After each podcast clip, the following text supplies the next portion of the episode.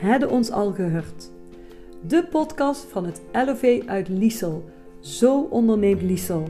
Elke week nieuwe interviews van ondernemers uit Liesel om jou te inspireren met mooie verhalen over wat ze doen, wat hun passie is en hoe zij mensen helpen. Dus luister elke week naar de podcast van Hadden ons al gehoord.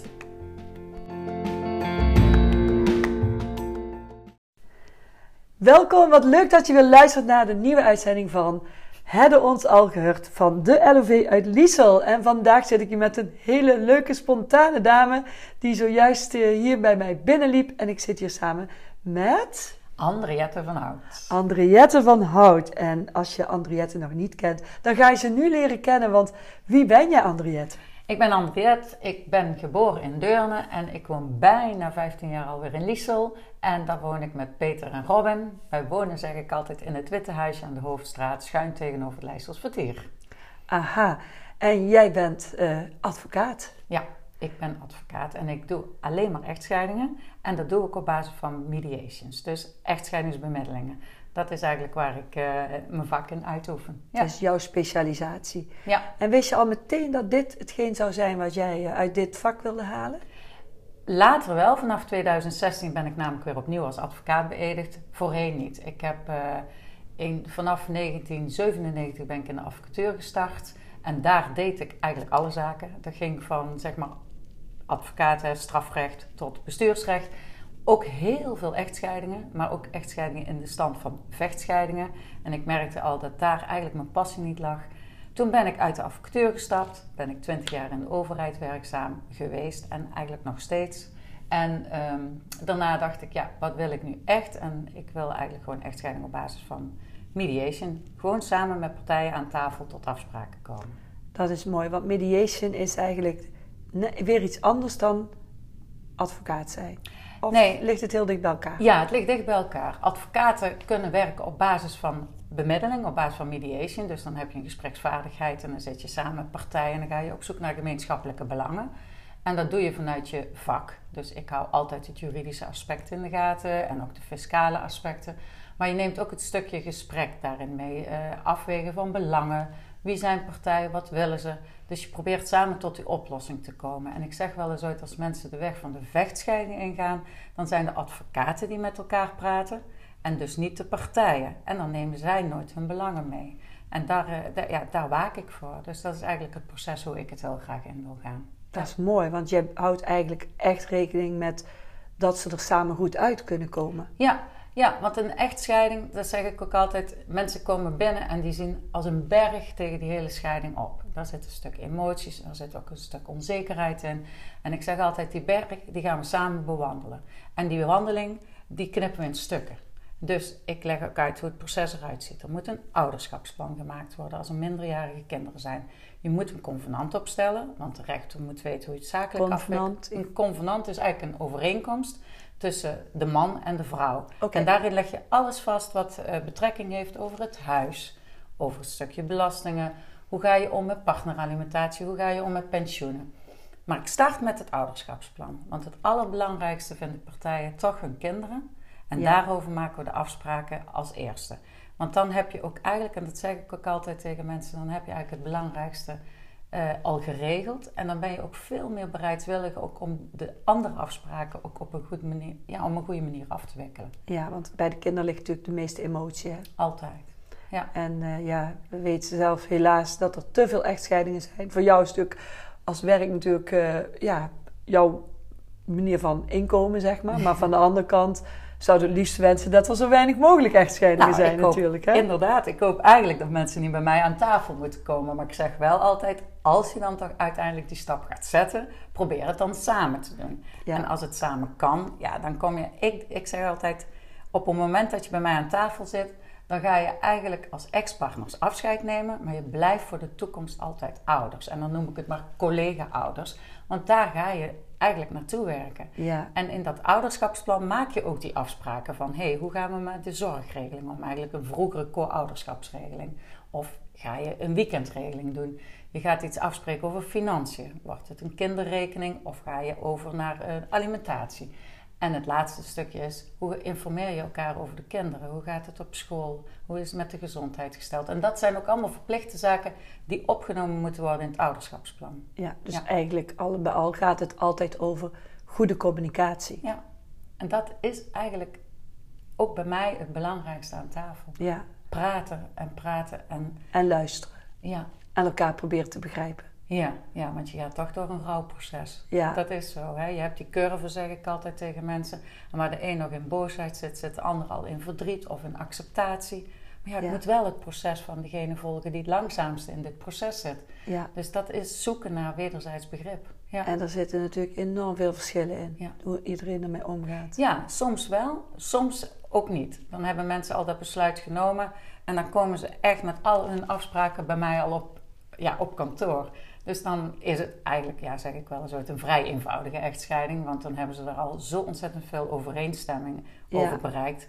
En dan ben ik een soort van postbus. Hè? Dan zorg ik dat de afspraken goed op papier komen te staan. Ja. En dan stuur ik die spullen naar de rechtbank. En ze hoeven zelf, want dat is ook het voordeel van echtscheidingsbemiddeling. Je hoeft nooit naar de rechtbank toe. Het gaat allemaal schriftelijk. Als, Oh, ja, als alles op papier staat, is het een handtekening eronder zetten. En dan gaat het naar de rechtbank. Dat is mooi. Ja, Ik vind het heel mooi hoe jij dan die combinatie hebt gemaakt. ja.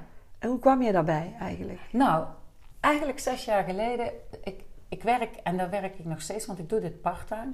Ik werk nog steeds bij een omgevingsdienst, Omgevingsdienst Zuidoost-Brabant. En dat is een samenwerking van 21 gemeenten en de provincie.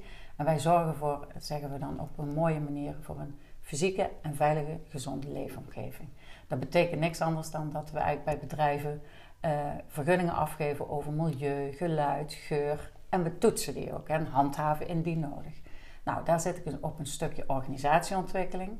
Nou, ik heb 280 collega's, dus ik doe veel met teamontwikkelingen, inside profielen, eh, onboarding als mensen binnenkomen. Nou ja, dat vind ik ontzettend leuk.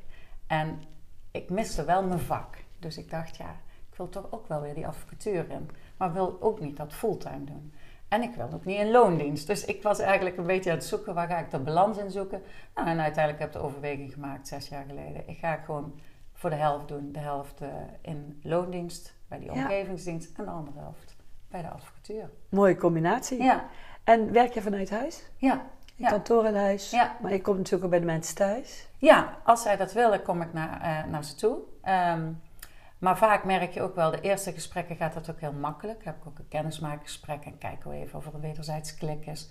Help ik ze ook vaak wel om hun eerste problemen even op te lossen, zodat er weer wat rust is. Maar het tweede gesprek of het derde gesprek vindt dan toch vaak bij mij op kantoor plaats, omdat dan toch de een al het huis uit is. En dan vindt de ander het wel lastig om in dat huis weer terug te keren. Ja. Dus ja, mijn kantoor is gewoon aan huis. Ik zeg altijd, de voordeur zit links en rechts zit mijn kantoordeur. En misschien een vraag die, eh, ja, ik weet niet of ik hem mag, mag stellen, maar je mag zelf weten of je antwoordt. Ja. Kom je ook bij mensen die je kent? Ja, ja, En is het dan makkelijk om onbevooroordeeld, onbevooroordeeld te zijn? Als je iemand kent, iemand Ja. die je goed kent bijvoorbeeld. ja dat gaat eigenlijk vrij gemakkelijk af. Ehm, in het begin dacht ik ook, hoe zal het zijn? Want dan ga je toch in een andere rol zitten. Maar eigenlijk gaat het dan vanzelf. Op het moment zeg maar, dat ik aan die tafel zit, dan, eh, ja, dan ben ik niet meer of de vriendin of de collega. Want ik heb ook zelfs al een aantal collega's bij de omgevingsdienst eh, geholpen. Ja, dat gaat vanzelf. Het kost me ook geen moeite. En aan de andere kant gaat dat ook automatisch. Ja, ik denk ook dat dat Ja. komt omdat, ja, ik ken jou een beetje. eh, Mhm. jouw intentie is ook dat je daadwerkelijk wil dat iemand er beter uitkomt. Ja. En dan maakt het niet uit in welke rol je zit, denk ik. Ja, zo voel ik hem wel. En, je hebt dan wel en de kennis en de kunde en juridische aspecten die meegenomen moeten worden. Ja, maar dat is ook. hè, Op het moment dat je ziet dat het in het eerste gesprek leg je eigenlijk al heel erg goed het juridische kader uit. En dan ontstaat er al vertrouwen. En als er vertrouwen is, ja, Ja, dan dat is eigenlijk. De basis, hè? Vertrouwen. Ja. En En die klik natuurlijk, want anders... Ja.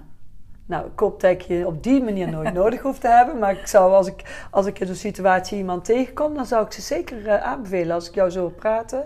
En ook, ook zoals ik jou ken als mens. Ah, dankjewel. Dus eh, heb je nog iets wat jij de luisteraar eh, mee wil geven of wil vertellen? Nou, ik vind het leuk dat je dat zegt net van, eh, ja, ik beveel je aan. Ik merk ook dat het eigenlijk op mond-op-mond reclame gaat. Dus dat is, vind ik altijd wel heel fijn om te vernemen. Want dan betekent het dat ik het in ieder geval op een goede persoonlijke manier doe, maar ook met de juiste kennis. Dus nou, als je bij mij moet zijn, of moet zijn, nee, ik bedoel, ik zeg het verkeerd, als je uh, in scheiding bent, ja, dan zou ik willen adviseren, doe het gezamenlijk. En uh, dat mag bij mij, maar ga het alsjeblieft op basis van deze werkwijze doen, hè, op, basis, op basis van mediation.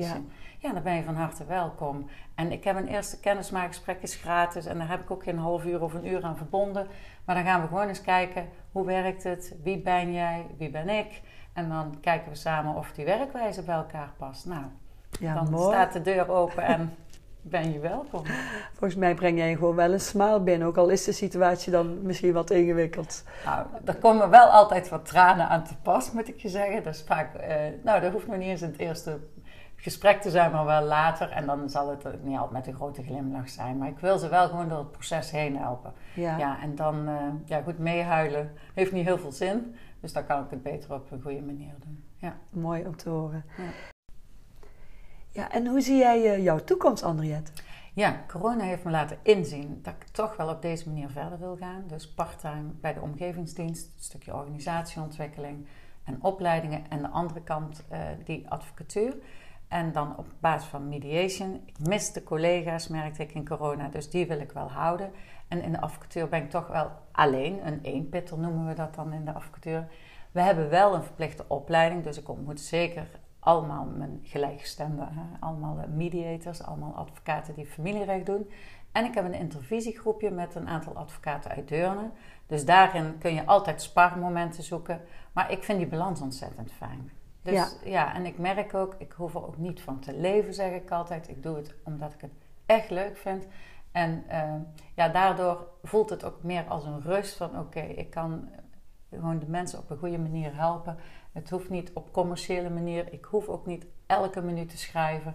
Ik zeg al, ik heb ook gewoon kantoor aan huis. Ik heb geen grootzakelijk kantoor. Ik doe het gewoon op mijn manier. En ik ben ook altijd bereikbaar voor die mensen. En dat voelt goed. dus deze werkwijze, ja, daar houdt, die wil ik vasthouden. Dat kan ik me helemaal voorstellen. En je zegt het ook, ja, zoals jij het vertelt, dan uh, denk ik, ja, dit is een mooie manier om te combineren. Ja. Zoals jij dat doet. Ja, past En uh, zijn er nog leuke anekdotes of iets waar je zegt van... oh, ik heb iets zo bijzonders meegemaakt. Ik weet helemaal niet of je hierover uh, over nagedacht hebt. Uh, daar heb ik over nagedacht, want jullie hadden een soort van vragenlijstje toegestuurd. Overigens moet ik ook wel lachen, want dan word je meer zenuwachtig van hoe moet ik het voorbereiden. Maar ik zeg altijd de gesprekken, ja, er zijn ontzettende mooie verhalen. Hè? En ook wel trieste verhalen. Maar ik zeg ook altijd, ze zijn in vertrouwelijkheid aan me verteld. Oh, die ga je niet doorvertellen. Nee, dat snap ik helemaal. Nee, nee. En er zitten echt wel fantastische mooie momenten in. Ook mensen die het uh, achteraf ook tegen mij zeggen... Nou, eigenlijk hebben we ook op de juiste momenten mogen lachen bij jou aan tafel. Dus dat, uh, ja, dat deed ons goed. En um, nou ja, goed. Ieder verhaal, even, iedere zaak heeft gewoon zijn eigen verhaal. Zijn eigen dynamiek. Dus daar zit altijd... Ja, ik, ik krijg van zo'n gesprek, ook al duurt die twee uur, krijg ik altijd energie. Ik kan me voorstellen, want geen enkele situatie is hetzelfde. Nee, geen enkele. Nee, ik kan ook, want dan zeggen ze wel zoiets, heb je dan niet iets soortgelijks meegemaakt? Nee, elke zaak heeft toch weer zijn eigen problematiek. En, ja, dan ga je, en dat is het mooie van mediation. Eigenlijk ga je met z'n drieën op zoek naar die oplossing. ik laat de partijen eigenlijk ieder hun eigen belangen. En dan zijn ze ooit verbaasd van... hé, maar jullie zijn wel op zoek naar hetzelfde belang. En dan kun je tot die oplossing komen. Maar in beginsel luisteren ze eigenlijk natuurlijk nog heel moeilijk naar elkaar. Maar als je ze dan laat luisteren naar elkaar, dan zie je ook meteen: oh ja, dat is de weg die we moeten inslaan. En dan vind je ook het volgende gesprek, hebben ze daarover nagedacht. En dan, ja, dan zien ze ook wel dat het echt toekomstbestendige afspraken zijn. Want daar ben je uiteindelijk naar op zoek. Hartstikke mooi. Ja. Ik denk dat dit wel een mooie slot is denk het van deze podcast. Ja. Luisteren naar elkaar en zorgen dat je altijd kijkt hoe kunnen we de problemen oplossen. Want dat is wat jij doet. Ja. Op een hele mooie manier. Ja, dankjewel, Henriette. Ik, hoop, ik wens je nog heel veel goede oplossingen voor veel mensen. Nou, dankjewel. En dankjewel dat ik dit mag doen. Oké. Ja. Nou, tot de volgende keer. Ja. Doei doei. Doei.